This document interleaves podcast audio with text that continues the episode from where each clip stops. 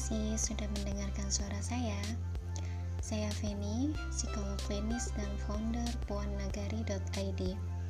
Saya akan membagikan langkah-langkah mengasuh anak-anak di zaman now dengan pola asuh berkesadaran atau mindful parenting.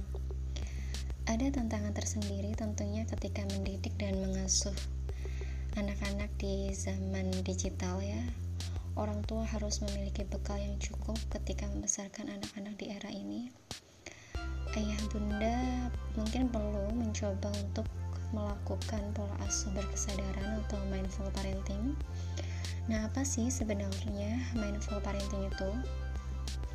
Mindful parenting adalah pola, pola asuh yang berkesadaran. Jadi segala didikan yang kita berikan kita lakukan dengan sadar, orang tua diajak untuk sadar bahwa mendidik anak itu awalnya atau dasarnya pondasinya dari dalam keluarga, bukan dari sekolah atau dari lingkungan, melainkan dari dalam keluarga, dari dalam diri intrapersonal kedua orang tuanya. Sehingga penting sekali bagi ayah dan bunda untuk berpegangan tangan, bahu-membahu, menghadirkan, menyuguhkan pola asuh terbaik bagi anak-anak kita sehingga anak-anak kita dapat tumbuh menjadi pribadi yang positif. Poin pertama, eh, pola asuh berkesadaran adalah mendengarkan.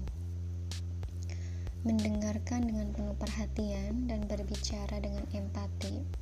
Ini harus menjadi dasar pola asuh parenting atau pola asuh kita ya dalam arti ketika anak berbicara kita harus mendengar dengan penuh perhatian.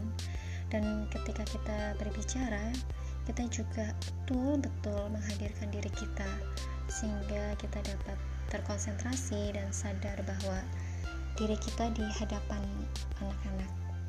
Dengan begitu kita dapat memperhatikan wajah anak mendengarkan intonasinya dan melihat mimiknya sehingga kita dapat paham apa sih sebenarnya yang terjadi dengan diri anak atau apa yang menjadi masalah anak. Jangan sampai kita berbicara tetapi mata kita melihat handphone atau menonton TV. Nah, itu membuat anak menjadi merasa tidak didengarkan, merasa diabaikan. Nah, dengan orang tua mulai belajar untuk mendengarkan dengan penuh kesadaran, anak akan merasa bahwa orang tua saya hadir, orang tua saya peduli dan mau mendengarkan keluh kesah saya. Poin kedua adalah tidak menghakimi anak. Jadi, berusaha untuk tidak memberikan label pada anak kita, tidak juga terlalu menuntut sebuah kesempurnaan dari mereka, Artinya, kita tidak perlu selalu melihat sisi negatif dari anak, tetapi kita fokus pada potensi dan sisi baik anak. Jangan sampai kita memberikan label anak kita bodoh, anak yang bodoh pada anak kita hanya karena nilai matematikanya mendapat 5 sedangkan di mata pelajaran lain sesungguhnya ia mendapatkan nilai yang tinggi sangat tidak fair, sangat tidak adil ya dengan memberikan label atau menghakimi anak seperti itu. Poin yang ketiga adalah pengendalian diri, di mana kita sadar bahwa segala sesuatu masalah yang terjadi tidak ada gunanya ketika diselesaikan dengan penuh emosi. Nah, pertanyaannya adalah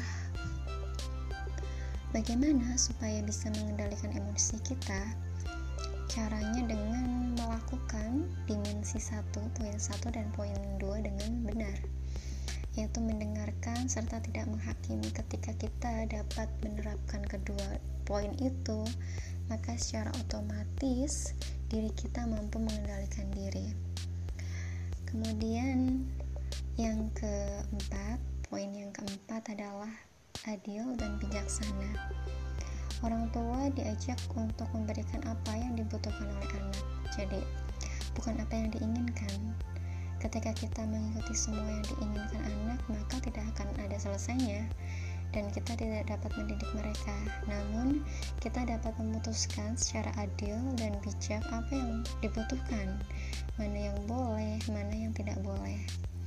Nah, itu pentingnya karena ketika kita selalu menuruti me, me, memberikan apa yang diinginkan oleh anak, anak tidak akan belajar untuk mm, memilah mana yang menjadi prioritas dan mana yang bukan. Kemudian poin yang terakhir adalah welas asih. Kita harus menunjukkan uh, kasih sayang, kasih cinta pada anak agar anak dapat melihat hak hidupnya sehingga dapat lebih menghargai manusia atau orang lain. Banyak sekali anak-anak di luar sana yang dibesarkan dengan penuh kemarahan, tuntutan oleh orang tuanya sehingga ia tumbuh besar menjadi pribadi yang pemarah, agresif, tidak dapat empati dan sulit untuk memaafkan orang lain. Oke. Okay? Tidak ada anak yang nakal, yang ada hanyalah anak yang belum mengerti. Tidak ada anak yang nakal, yang ada hanyalah orang tua yang tidak sabar. Tidak ada anak yang nakal, yang ada hanyalah pendidik yang buru-buru melihat hasil. Jadi, anak adalah anugerah Tuhan. Banyak individu yang merindukan kehadirannya. Ia merupakan cerminan pola titik kita sehingga ya kita perlu memberikan menyuguhkan pola asuh terbaik agar anak-anak kita bisa tumbuh menjadi manusia yang positif. Terima kasih sudah mendengarkan. Tunggu podcast terbaru saya mengenai prosa, puisi, atau ilmu psikologi lainnya. Terima kasih.